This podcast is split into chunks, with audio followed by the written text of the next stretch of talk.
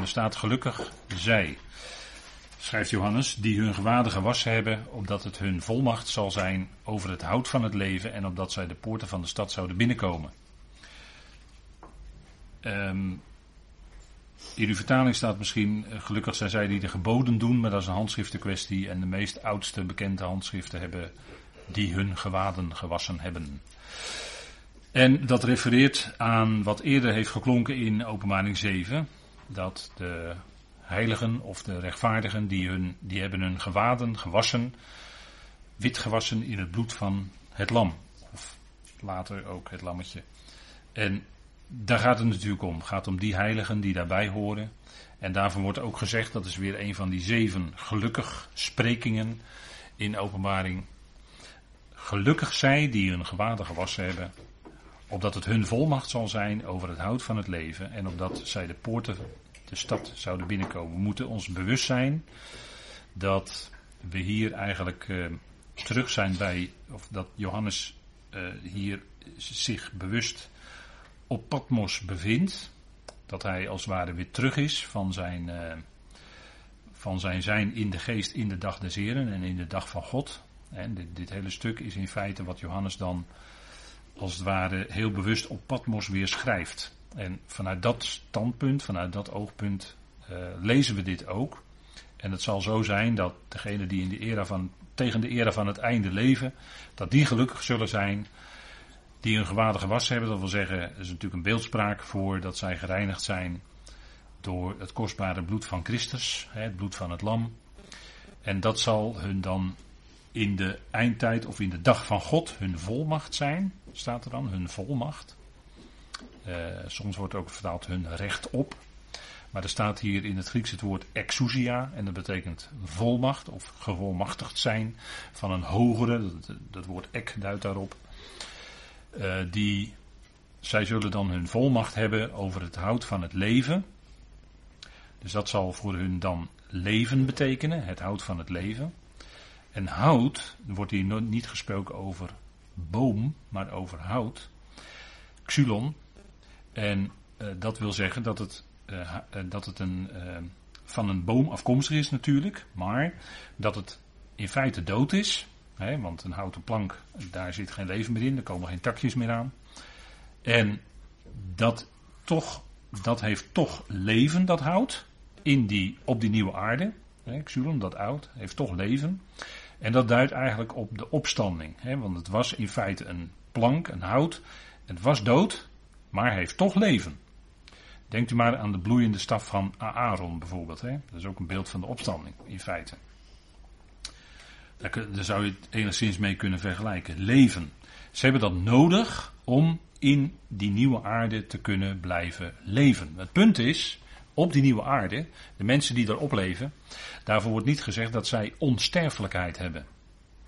Zij hebben het nodig om uh, dat uh, hout, zij hebben dat hout nodig, dat hout van het leven, water van het leven hebben ze nodig om in leven te blijven. Zodat de dood, er staat natuurlijk ook de dood zal er niet meer zijn, dus zodat de dood geen vat op hun zal krijgen. En uh, dat is misschien enigszins vergelijkbaar met Adam en Eva zoals die waren voordat ze zondigden. Zij uh, konden toen eten van alle bomen. Ze mochten alleen van de boom van kennis van goed en kwaad niet eten. Maar mogelijk hebben zij wel gegeten toen van het geboomte van het leven. Maar toen zij eenmaal gegeten hadden van de boom van kennis van goed en kwaad, toen werd de toegang tot die boom van het leven afgesneden, opdat ze niet al zondigend uh, heel lang zouden blijven leven. Ze zouden niet door dat geboomte van het leven onsterfelijkheid hebben. Dat wordt van Adam en Eva ook niet gezegd. Dat zij toen onsterfelijk waren. Uh, zij hadden een lichaam van bloed en vlees. Wat de mogelijkheid dus had om te, dood te kunnen gaan. Maar ze beschikten niet over onsterfelijkheid. De dood zou van hen kunnen wegblijven als zij aten van het geboomte van het leven. Dat was toen die situatie. Hè? En nu op de nieuwe aarde heb je een soortgelijke situatie. Ze moeten dus eten van dit geboomte. Het punt is dat nu Paulus zegt in 1 Timotheus 6, er is nu één die onsterfelijkheid heeft. Eén. Dat is Christus Jezus. Eén.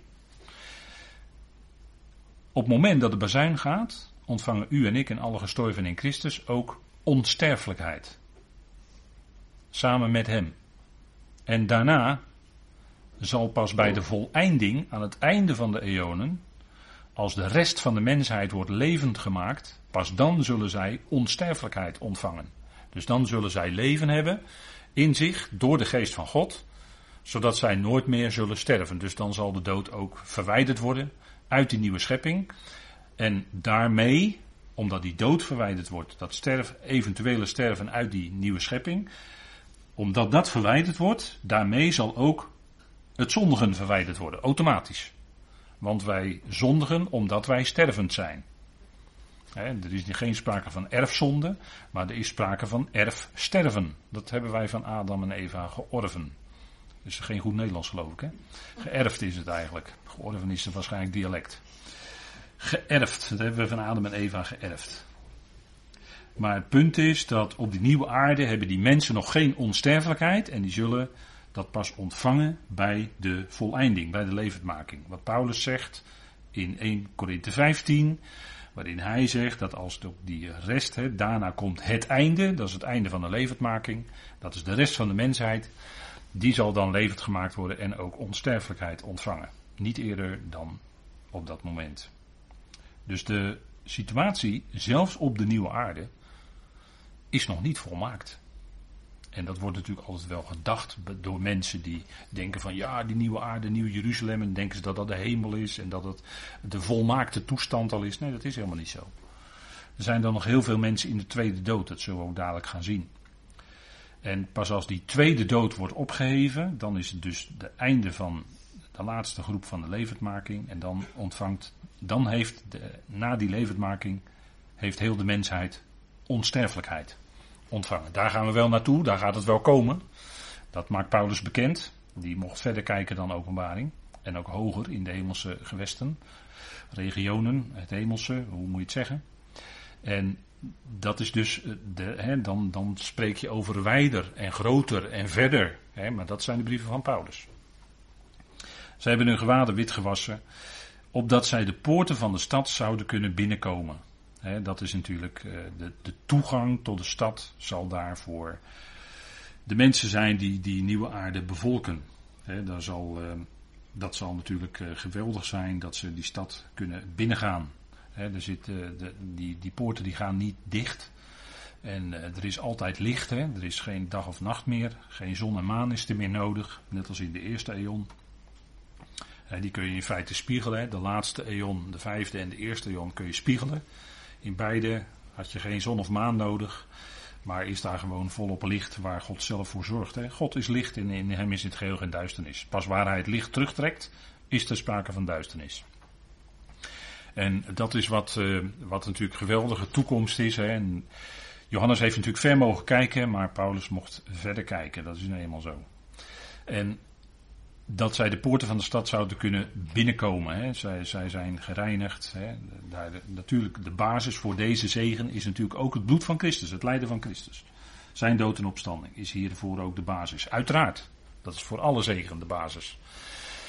Maar dit is natuurlijk een toekomst die dan er dan zal zijn in de vijfde eeuw. Maar die toekomst is dus niet voor die hele mensheid nog weggelegd. Nog niet. Nog niet. we spreken over nog niet. En dat is ook in onze dagen zo.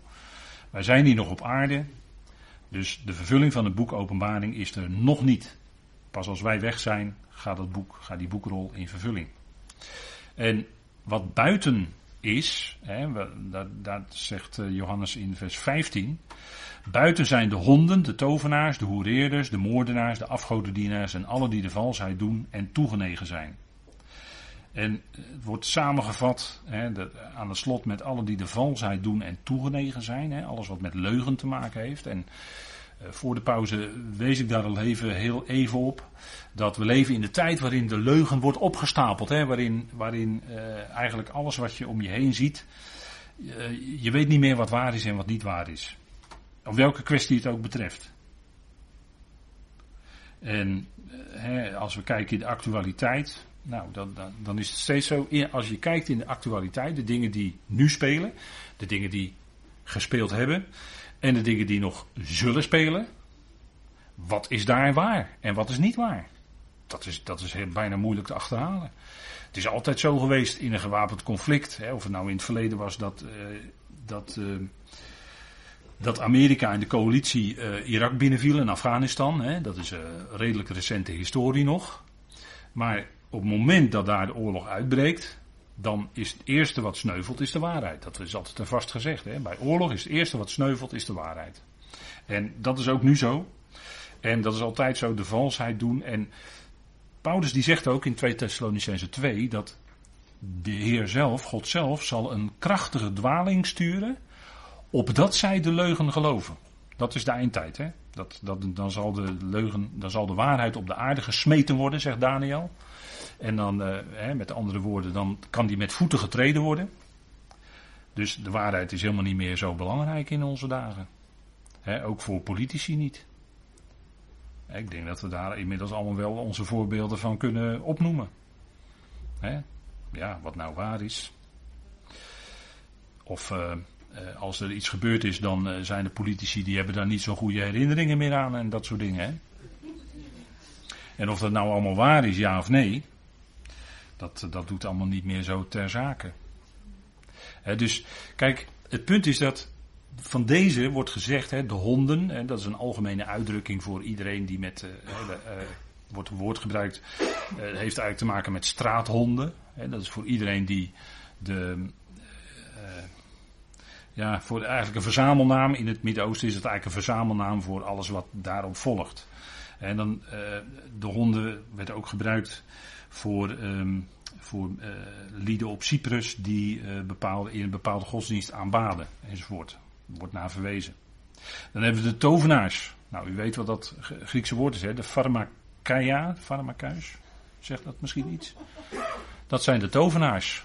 Van, die, hè, dat is het Griekse woord. En uh, tovenaars, dat heeft natuurlijk ook te maken met valse religie. Hè? In, de, in de eindtijd hebben we natuurlijk sprake van de valse religie. De aanbidding van het beest en het beeld van het beest. Dat is de valse religie van de eindtijd. En dan zal iedereen zal daarvoor moeten buigen dat is natuurlijk de tovenaars. Want kijk, die wetteloze die komt, en dan zegt Paulus, zijn komst is naar de werking van de tegenstander met bedriegelijke krachten, tekenen en wonderen. Het zal zijn alsof hij kan toveren. Geweldige dingen kan doen. Genezingen. Genezingen komt in, in, uh, in andere, laat ik maar zeggen, religies komt ook voor. Spreken in tongen komt in andere religies ook voor. Uh, dus wat dat betreft, en het bedrog is natuurlijk overal. Hè, bedrog is vaak om, om daar financieel zelf wijzer van te worden. En de hoereerders, nou dat heeft ook te maken met uh, religie. Hè? Vaak afgoderij gaat vaak gepaard ook met hoererij. En dat is uh, in, in de dagen van Johannes uh, was het heel erg aan de orde met, met de, de, je had de, de Astarte-verering. En daar had je die cultische prostitutie enzovoort. Maar dat Paulus zegt ervan ook heel duidelijk. Kijk, iemand die hoereert, die, heeft geen, die zal geen lotgenieting hebben in de koningsheerschappij van God. Dat is wat Paulus zegt natuurlijk in Efeze 5. Hè? Ik denk dat dat toch, eh, en in de Colossense hebben we dat ook gezien. Daar spreekt Paulus toch heel duidelijk over. Dat wat afwijkt, en, het punt is dat uh, wat, God gezegd heeft van meet af aan over Adam en Eva. Wat is een huwelijk? Dat is een vaste verbintenis tussen man en vrouw. Dat is gewoon de scheppingsordening. Dat is gewoon Genesis 2. En, en eh, wat, wat daar buiten valt en wat er allemaal gedaan wordt en noem maar op, dat is hoererij volgens de Bijbel. Alleen misschien mag je dat tegenwoordig allemaal niet zo duidelijk meer zeggen. Maar dat is natuurlijk wel zo. Ik bedoel, Paulus is daar ook heel duidelijk in. Hè? In de Galatenbrief hebben we dat ook gezien, hè? Galaten 5, de werken van het vlees. Nou, dan begint hij met overspel, hoererij, onreinheid. Dat zijn werken van het vlees. Dat heeft, niks met de, dat heeft niet met de geest van God te maken. Dat zijn werken van het vlees. En, en eh, de hoereerders, tegenwoordig wordt, wordt, eh, wordt, wordt alles geaccepteerd. Dat is, eh, maar wat, wat Gods woord ervan zegt, ja, als jij daar iets van durft te zeggen, nou, raak het maar niet aan hoor, want het gaat vonken. Maar dat is wat, die zullen dan ook zijn, daarvoor zegt Johannes hier ook, die zullen zijn buiten. Waar zijn die? In de tweede dood die zullen echt. U moet niet denken dat met buiten hier wordt bedoeld dat deze, de honden, de tovenaars, de hoereerders, de moordenaars, de afgodendienaars, dat die op de nieuwe aarde zullen zijn en dat die geen toegang hebben in Nieuw-Jeruzalem. Zo moet u niet denken hoor. Nee, die, die mensen zijn allemaal in de tweede dood. En dat zegt Paulus in, of sorry, dat zegt Johannes in Openbaring 21. Openbaring 21. Maar de lafhartigen, de ongelovigen, de verfoeilijken, de moordenaars, de ontuchtplegers of hoereerders, tovenaars, afgodendienaars en alle leugenaars, hun deel is in de poel van vuur en zwavel, die brandt. Dat is de tweede dood. Dus die mensen zijn in de tweede dood. Die hebben geen deel aan de nieuwe aarde, die hebben geen deel aan Nieuw Jeruzalem. Die gaan die, eh, die, want ze zijn in de tweede dood. Dus Johannes spreekt over, hè, we, we bevinden ons op Patmos, hij spreekt over zijn dagen, maar ook over de dagen die direct vooraf zullen gaan aan de komst van het koninkrijk. Want diegenen die daarmee bezig zijn, hè, de moordenaars, hè, dat is ook eh, duidelijk denk ik, de afgodendienaars, mensen hebben het, eh, het beest en het beeld van het beest aanbeden, en dit wordt natuurlijk, openbaring is natuurlijk een boek wat heel erg te maken heeft met Israël. Dat hebben we gezien hè. En, en als we even heel preciseren, er wordt wel eens gezegd openbaring is een Joods boek, maar strikt genomen is die uitspraak niet waar. Hè? Want Joods is wat te maken heeft met de judaïstische religie. Het heeft te maken met Israël voornamelijk, met het volk Israël. En uh, daarin geldt natuurlijk heel duidelijk dat het volk Israël zou alleen hun Heer en God aanbidden en niet die afgod. Niet dat beest of dat beeld van het beest. En degene die op dat moment niet buigen, dat zal heel erg in die eindtijd voor Israël gelden, voor de Israëlieten. Als zij dat beest niet aanbidden, zullen zij gedood worden. En dan zullen zij deel hebben aan de opstanding van de rechtvaardigen. De eerste opstanding. Voorafgaand aan de duizend jaar. Dus deze, van deze wordt gezegd dat zij dus in de tweede dood zijn. Ze zullen geen deel hebben aan eonisch leven. Ze zullen geen deel hebben aan het komende koninkrijk van Christus. En die de valsheid doen, hè, dat valsheid, dat is pseudo, dat is alles wat met leugen te maken heeft. En toegenegen zijn. Nou, ik denk dat dat uh, duidelijk mogen zijn. Hè. En uh, Johannes die stelt het door God geïnspireerd nog eens een keer heel duidelijk vast hè, hoe dat zit. En natuurlijk, de, de, degenen die opstandig zijn, ik heb hier een foto opgezet van het, het Gehenna, Dal Hinnom bij eh, Jeruzalem. In de komende duizend jaar zullen daar ook de, uh, de omgebrachten zijn die uh, in opstand zijn gekomen tegen de Messias, tegen zijn regering. Die zullen omgebracht worden en die zullen dan in het Gehenna geworpen worden. Als een afschrikwekkend voorbeeld, daar eindigt Jezaja mee. Hè? Dus ik denk dat, dat, uh, dat we dat met elkaar goed moeten vaststellen. Dat deze uh, mensen die dit betreffen, die uh, hebben geen deel aan het komende eonische leven. Maar die zijn in de tweede dood. Goed, gaan we verder naar vers 16. De boodschapper getuigt, ik Jezus heb mijn boodschapper afgevaardigd. Jezus, de verwachting van Israël, tweede punt. En dan derde, de advent. En de vierde, zegenbeden. Zo heb je steeds die vier punten die in die versen naar voren komen. Goed, we gaan verder naar vers 16. Ik, Jezus, heb mijn boodschapper afgevaardigd om bij u in de uitgeroepen gemeente van deze dingen te getuigen. Ik ben de wortel en het geslacht van David, de stralende morgenster, zegt de Heer. In de uitgeroepen gemeente wordt nog, nog eens gerefereerd aan die gemeenten. Hè. Dit, dit, is in feite een boodschap aan die zeven Joden-christengemeentes die daar zullen zijn in de eindtijd. En die, dat zijn uh, zeven gemeentes. En als we vandaag praten over de gemeente, dan is dat het lichaam van Christus. Het lichaam van Christus is niet de bruid. De bruid is Israël of Nieuw Jeruzalem, zoals eh, als u dat zeggen wil.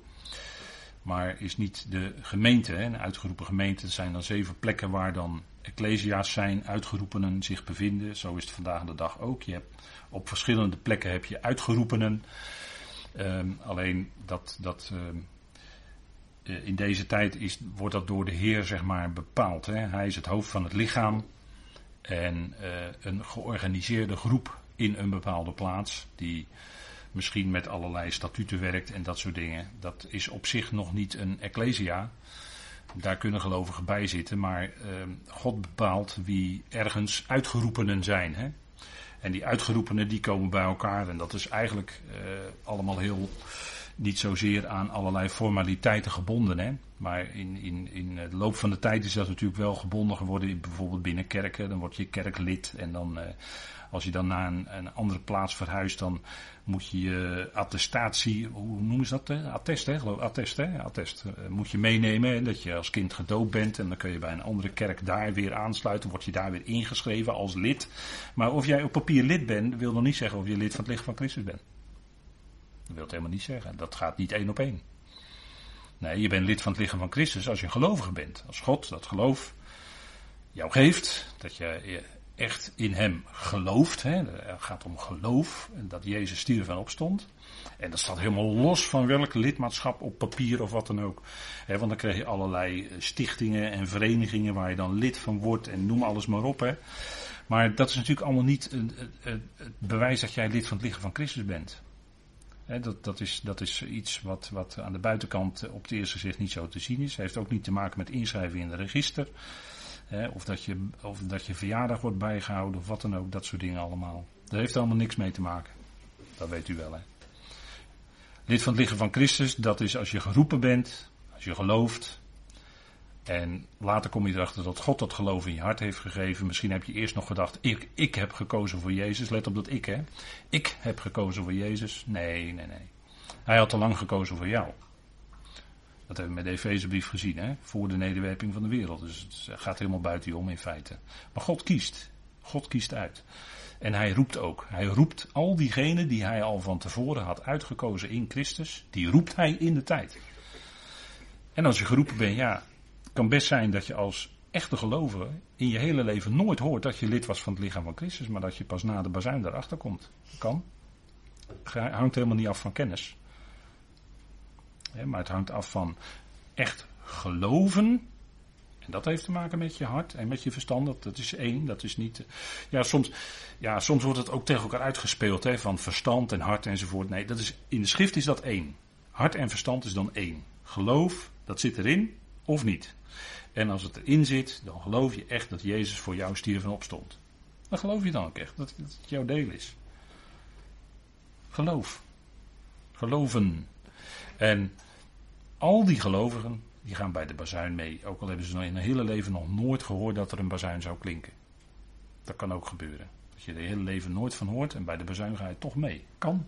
Kan. Is helemaal niet afkomstig. Maar dat is, dat is nou de gemeente. Dat is wereldwijd. Dat is helemaal niet afhankelijk van een bepaalde plaats.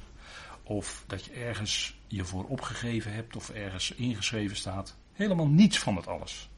Gelukkig niet, zou ik willen zeggen. Gelukkig niet. Kijk, een gemeente is geen organisatie, maar een, de gemeente is een levend organisme. Dat is wat het is. Zo wordt er ook over geschreven in de schrift. En hier zijn dan zeven lokale ecclesia's. Nou, dat bepaalt God dan in die eindtijd. In Klein-Azië zullen daar, in het huidige Aziatische Turkije, zullen ze daar zijn. En daar wordt van getuigd. En hij zegt, ik ben de wortel. Dat is heel wonderlijk hè, wat hier eigenlijk staat. Ik ben, Jezus zegt, ik ben de wortel en het geslacht van David. Hoe kan dat nou? Nou, David is ten diepste uit hem voortgekomen, want alles was eerst in hem geschapen. Zo is hij de wortel van David. is David in feite uit hem voortgekomen. Maar hij is ook in het geslacht van David. Later werd hij als mens geboren in de koningslijn, in de stam van Juda werd hij geboren. En zo is hij het geslacht van David. He, dat was, is en komt. En hij is de stralende morgenster. Als hij komt, zal het voor Israël zijn een geweldig gebeuren. Daar is hij, het licht van de wereld. Zoals Jezaja ook zegt, licht op, licht op. En dan zal hij daar zijn. En dan zal hij zijn licht doen schijnen. En dan zal hij komen als de koning van de koningen en de heer van de heren. En die hele aarde gaan verlossen. Dat is geweldig, hè? Dat is wat hij gaat doen. De stralende morgenster. Dat is natuurlijk geweldig als je, hè, dat hem die titel ook gegeven wordt. Paulus, Saulus was drie dagen blind van zijn licht. Maar dat was een bovenhemels licht, hè, sterker dan de middagzon zelfs. Maar hij zal komen als, de, als, als degene die werkelijk dat licht brengt. Als de vervulling van de profetieën van Tenach. Als de vervulling van heel dat boek onthulling. Hij wordt dan onthuld. Dat is natuurlijk geweldig. Zo zal hij komen. En ja, dat is natuurlijk geweldig. Daar, daar zal de gelovige Jood naar snakken in die tijd. Wat denkt u, 1260 dagen grote verdrukking. Dan snakken ze naar de komst van de Messias. Ze kunnen geen kant meer op dan. Alleen omhoog en roepen. En dan zal die er ook zijn. Dat is geweldig. Dan komt hij als een stralende morgenster. Ja, dat zijn natuurlijk geweldige toekomstperspectieven. Hè? En de geest en de bruid zeggen: Kom. De geest zegt door de bruid: Kom. En de bruid, nogmaals, is Israël. Er is geen enkele reden om te veronderstellen dat Israël niet de bruid zou zijn. Nee, de schrift getuigt aan alle kanten. Israël, of hier het nieuwe Jeruzalem, is dan getooid als een bruid. En die daalt dan neer op de aarde. En Israël is de bruid. Nergens wordt gezegd dat het lichaam van Christus de bruid is. Daar is geen bewijs voor in de schrift. Het bewijs ontbreekt gewoon. Is er gewoon niet. Staat er gewoon nergens. De geest en de bruid zeggen: Kom. En laat hij die het hoort zeggen: Kom. En laat hij die dorst heeft komen. Kijk, als je. Dat is het geweldige, als je in je leven dat hebt meegemaakt. Als je eenmaal gedronken hebt van het levende water. Dan wil je steeds weer. Dan, dan, hè, zoals de psalmist het ook zegt. Mijn ziel dorst naar God. Naar de levende God. Ken je dat? Dat je, dat je verlangt naar, naar God, naar de nabijheid van God. En hij is er ook. Hij is er als je gaat slapen s'nachts en hij is er als je s'morgens weer wakker wordt. de, de, Psalm 42, u weet wel, dat hert. Nou, die psalmist die zegt daar, die heeft het moeilijk hoor. Psalm 42 en 43, dan heb je het moeilijk hoor. En dat kennen wij ook in ons leven. Dan kan je in die moeilijkheden, in dat lijden, kan je dat uitroepen, net als die psalmisten. Hè. Zo zijn die psalmen toch aansprekend voor ons, omdat daar eh, zo heel sterk die emotie, dat gevoel naar voren komt. En dat kennen wij ook. We zijn gewoon mens. Maar dorsten naar de levende God. God is geen God van de doden, maar hij is de God van de levende. Hij zal iedereen ook uiteindelijk leven geven. Dat is geweldig, hè? Die God mogen we kennen. Levend water. Daar dan als je daar eenmaal van gedronken hebt, dan zal je nooit meer op de oude manier dorst hebben. En dat hebben mensen die niet geloven. Dat is, dat is triest. Dat is triest. Als je niet gelooft, dan, dan, dan leef je van het een naar het ander. Misschien van het ene feestje naar het andere feestje. Of van het ene genietingje naar het andere genietingje. En dan krijg je steeds weer, wil je steeds weer, want ja, je bent, je bent nooit ten volle echt tevreden ermee. Uh, nee, maar bij God wel. Bij God is het nou anders. Als je dat eenmaal ervaren hebt in je leven, ja, dan, weet je het. Dan weet je dat het zo is. Dan weet je ook dat het de waarheid is. Dat weet je van binnen. Dat is geweldig. Het water van leven. Jezus getuigt in de volgende versen, dat is dan het slot van openbaring. Jezus getuigt, indien iemand, en daar weer, weer het advent en weer de zegenbeden, dus weer die vierslag, zeg maar, prachtig uitgewerkt vers 18. Want ik getuig aan ieder die de woorden van de profetie van dit boekrolletje hoort, als iemand aan hen toevoegt, God zal hem de plagen toevoegen die in dit boekrolletje beschreven zijn. En dat is toch een heel ernstig woord, hè? Dat is uh, hoe we met dat woord van God omgaan. Hè? Hoe ga je ermee om? Dat kun je niet, uh, daar kun je niks aan toevoegen. Dat is heel gevaarlijk hoor. Daarom is het altijd goed, en uh, u heeft dat misschien in de loop van de tijd wel eens meer gehoord. Maar als jij iets op een rij gaat zetten van het woord van God en je komt tot een conclusie, dan moet je heel goed opletten dat jouw conclusie, is die dan nog terug te vinden in de woorden van de schrift zelf. Zo niet, dan moet je opletten. Want voor je het weet zou je dan iets kunnen toevoegen. Dat wil niet zeggen dat dan jou, jou als gelovige ook die plagen overkomen. Dat is wat anders. Maar dit zegt natuurlijk wel iets over de ernst van het woord. Hè? Kijk, Psalm 12, vers 7 zegt dat het woord van God, die woorden die God gebruikt heeft en in zijn woord geplaatst heeft, die zijn zeven keer gefilterd, zegt Psalm 12. Zeven keer gefilterd. Dus dan zouden wij, in Jezaja staat, eh, waar zijn degenen die nog sidderen, in de goede zin, hè, in de goede zin, die nog sidderen voor zijn woord. we zouden dan ook het uiterste doen om exact en heel nauwkeurig dat woord te volgen.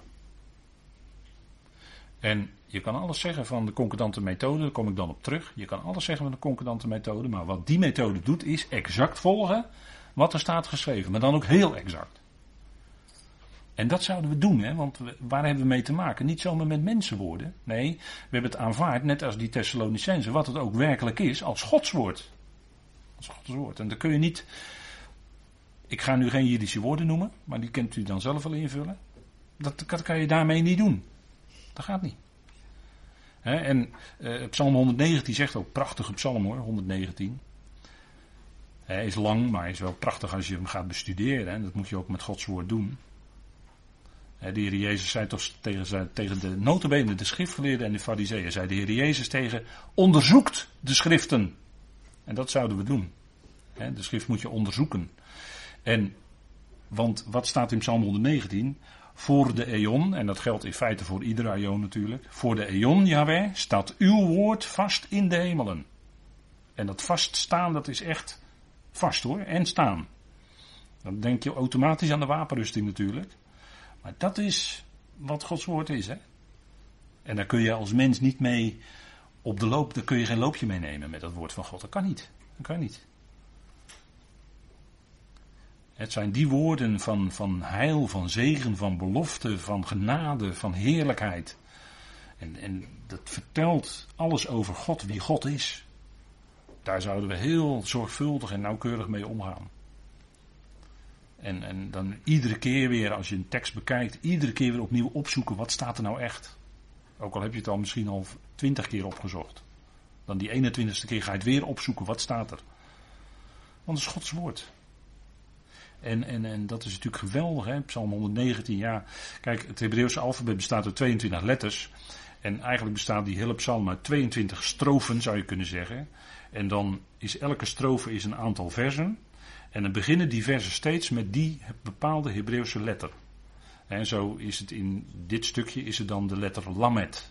dit is het Lamet gedeelte van de Psalm 119. En dat is heel geweldig als je dat in, in, de Hebreeuws, in het Hebreeuws ziet. en dat is natuurlijk ook wat zijn woord is. Dat, dat, is ook je vastheid in je leven. En als je dat woord erbij pakt, ja, dat is tot en met betrouwbaar. We begonnen er vanavond mee, hè? geweldig. En het tweede, niet alleen eraan toevoegen, want dat is natuurlijk ook gebeurd. En als iemand wegneemt hè, van de woorden van dit boekrolletje van dit profetenwoord, God zal zijn deel wegnemen van het hout van het leven en van de heilige stad, of en uit staat er letterlijk, de heilige stad die in dit boekrolletje beschreven is. Dus je kunt er ook niks van wegnemen. Hè. Je kunt er niet iets uit, uit heffen als het ware, hè, om, om dat weg te doen, omdat het jou niet uitkomt of zo. En, en, en daarom is het ook, uh, ja, dat, dat kan niet iedereen misschien wil dat meemaken of zo. Dat weet ik niet. Het maakt ook niet zoveel uit. Maar als we bijvoorbeeld de brieven van Paulus behandelen, behandelen we die vers voor vers, woord voor woord. Ja, dat is, dat is misschien heel traag allemaal. En ja, allemaal niet zo populair of zo. Ik weet het niet. Nou ja, dan maar niet populair, hè. Daar gaan we niet voor. We gaan niet voor de populariteitsprijs. Want je kan van het woord van God niks wegnemen. Dan kan je niet, kan je niet dingen wegmoffelen of weglaten. Gaat niet. Dat gaat niet. Dat kan je niet doen. Zo ernstig is het hier wel, hè? Dus wat de Heer zegt, en dit klonk ook al in, ik heb de tekst erbij gedaan, Deuteronomie. Spreuken 30, ga even met elkaar opzoeken. Er wordt iets gezegd over Gods woord. Spreuken 30.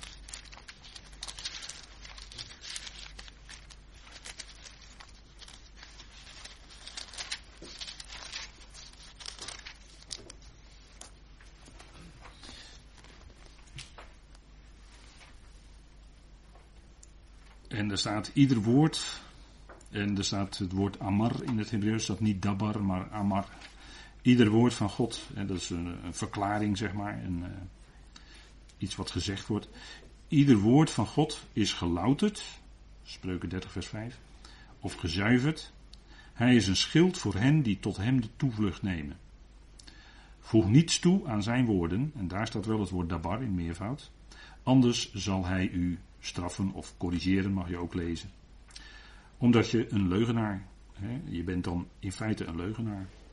Dus als je iets toevoegt aan zijn woord, ben je in feite jij een leugenaar. En dat is wat we, wat we natuurlijk daarom, hè, dat, dat wordt dus ook hier betuigd. Het is die grote God. Hè, wordt hier gezegd uh, Eloah, dat is eigenlijk een aanduiding voor Christus, die naar God toe onderschikt, hè, werkt naar God toe in onderschikking, is gelouterd, is gezuiverd. Hij is een schild voor hen die tot hem de toevlucht nemen. Dat is altijd zo in welke situatie van je leven je ook bent. Als het heel moeilijk is. En je bent misschien door mensen afgewezen. Dat zou kunnen. Dat is akelig als dat gebeurt. Maar dan is je enige toevlucht is toch God. Je kan toch altijd bij God terecht. Hij is toch je toevlucht. Hij is toch degene die altijd hoort als je tot hem spreekt, of als je huilt, of als je hart huilt, of als je tranen hebt. God is je toevlucht. Dat is geweldig, hè? Hij is er altijd voor je. Mensen kunnen het al laten afweten, maar God is er altijd. En dat is het geweldige, denk ik, wat we hier lezen. Hè? Hij is een schild voor hen die tot hem de toevlucht nemen. Schild. Denk je automatisch aan het langschild van het geloof? Ja.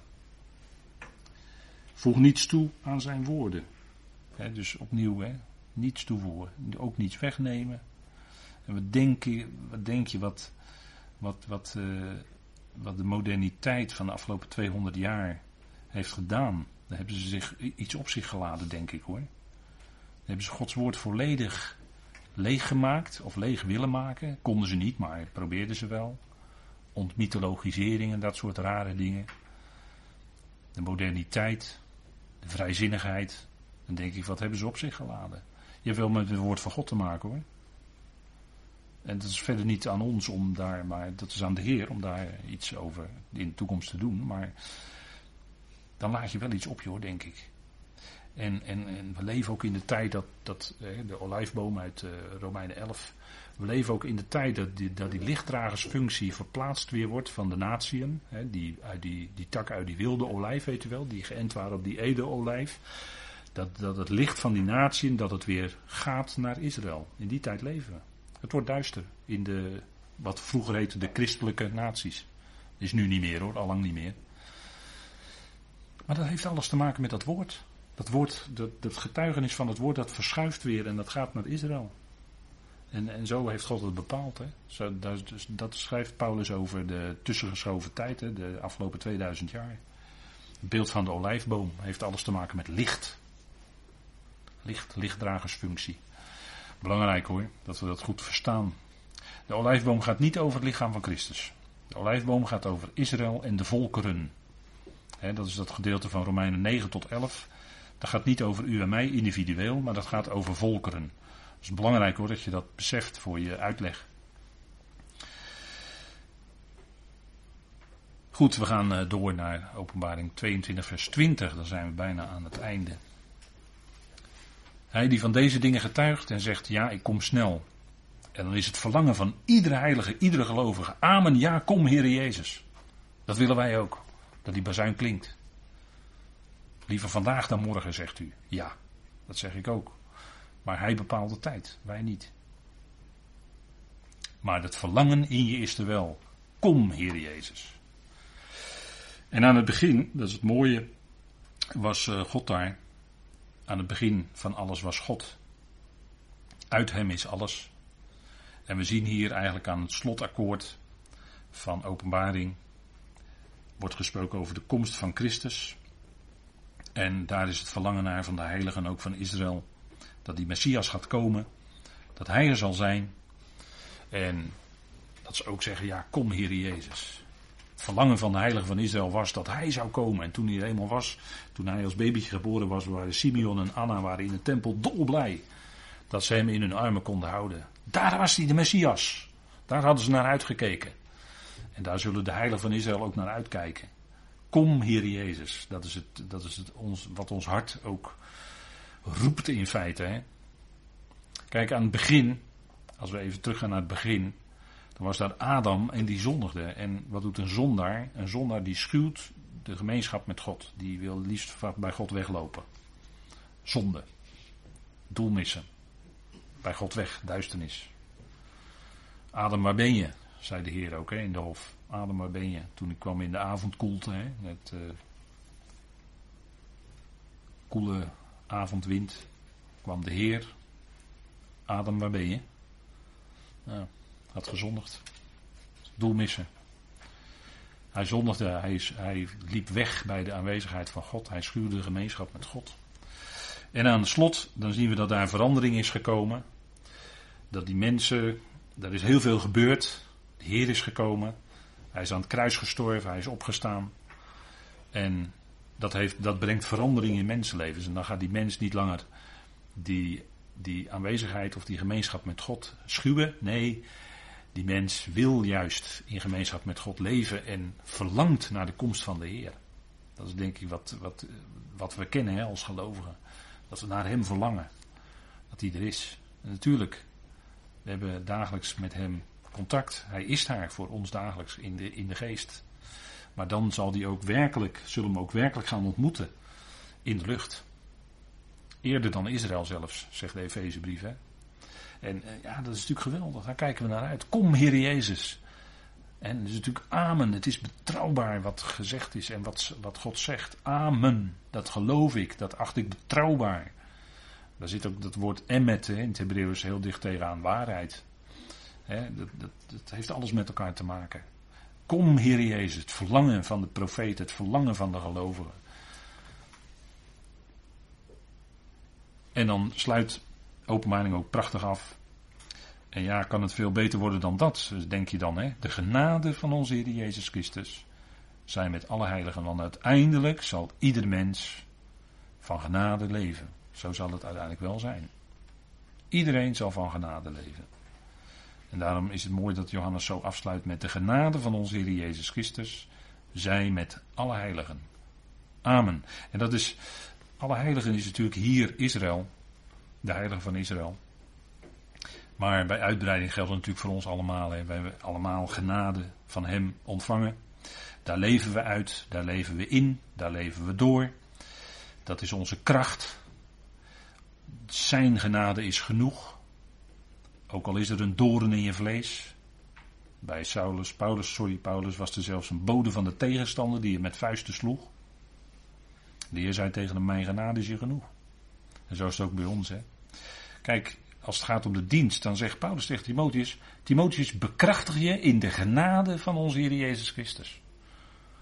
Dat is, uh, Timotheus was een beetje timide, die was een beetje terughoudend, die was misschien een beetje toch keek naar ogen van mensen en dat soort dingen. Timotheus, bekrachtig je in de genade van onze Heer Jezus Christus. Dat is het. Dat is het. genade en heerlijkheid. Dat is voor ons wat bovenaan staat. Dat is, dat is de kern, dat is de grondtoon van het evangelie zoals de apostel Paulus dat mocht brengen. Genade. En daar kun je niet van afwijken. je kunt niet zeggen tegen gelovigen, nu moet je onder de wet gaan leven. Dat kan je niet zeggen. Want genade regeert in deze tijd. Dat is eerlijk. Als je dat erkent en zo ook leeft. Hè? Wij zijn niet onder de wet, maar we zijn onder de genade. Het is gewoon onderwijs van Paulus, Romeinen 6. Het is gewoon onderwijs. En dat zouden wij volgen. En, en het punt is dat, kijk daar waar de, allerlei eh, instituties een rol gaan spelen. Daar gaat ook een rol spelen dat dan eh, allerlei dingen eh, dwingend, let op het woord dwingend, dwingend opgelegd worden aan gelovigen. Dat kan niet. Dat kan niet. Dat is vreemd aan het evangelie. Je kunt niet iets afdwingen bij gelovigen. Daar waar de geest van de Heer is, is vrijheid. En die vrijheid is daar, zodat we vrij zijn om de Heer te dienen want we hoeven, niet, we hoeven niet aan allerlei wettische verplichtingen te voldoen. Nee, we zijn vrij om de Heer te kunnen dienen in vrijheid. Dat is ook genade.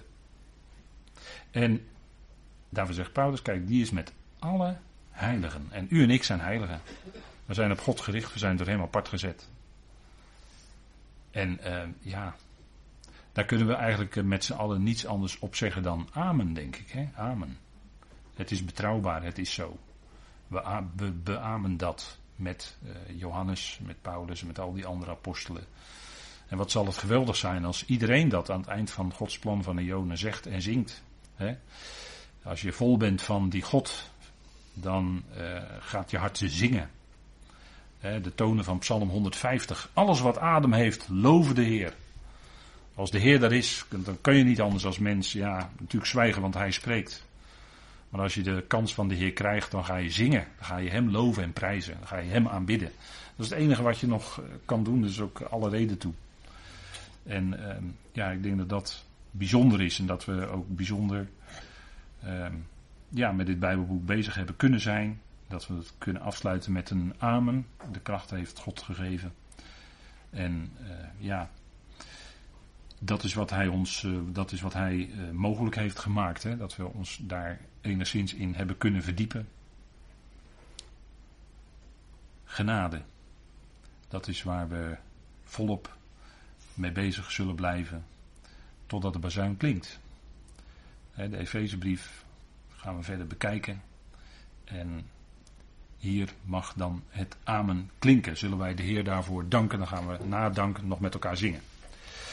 Vader, we danken u dat we door u geroepenen zijn tot een bijzonder lichaam van Christus. Zo anders dan Israël, die de bruid is. Vader, we danken u dat we door u het vergund werden om hiermee bezig te kunnen zijn. Dat u de mogelijkheden daarvoor gaf, de tijd, gelegenheid, aandacht, de mogelijkheden. Vader, u zegent ons rijk en we zijn rijk met die genade in Christus Jezus. We zijn rijk met het feit dat we daarin dagelijks mogen leven. Vader, los van welke beklemming dan ook, mogen ontspannen leven aan uw hand. Vader, u bent onze toevlucht. U bent onze rots. U bent alles. Vader, we danken u daarvoor. We danken u dat we zo mogen leven. En ons uitstrekken. Ja, en roepen, kom, Heer. Want het is hoog tijd, zo we vermoeden. Maar u bepaalt de tijd, Vader, en we danken u daarvoor. We danken u dat u ook deze avond wilde geven als afsluiting. We danken u dat we ons vermogen verheugen over wie u bent en dat u ons die vreugde in het hart geeft. We danken u dat u ons rijk, mild en overvloedig geeft. We danken u dat u nabij bent. We danken u daarvoor, Vader, in de machtige naam van uw geliefde Zoon, onze Heer Christus Jezus. Amen.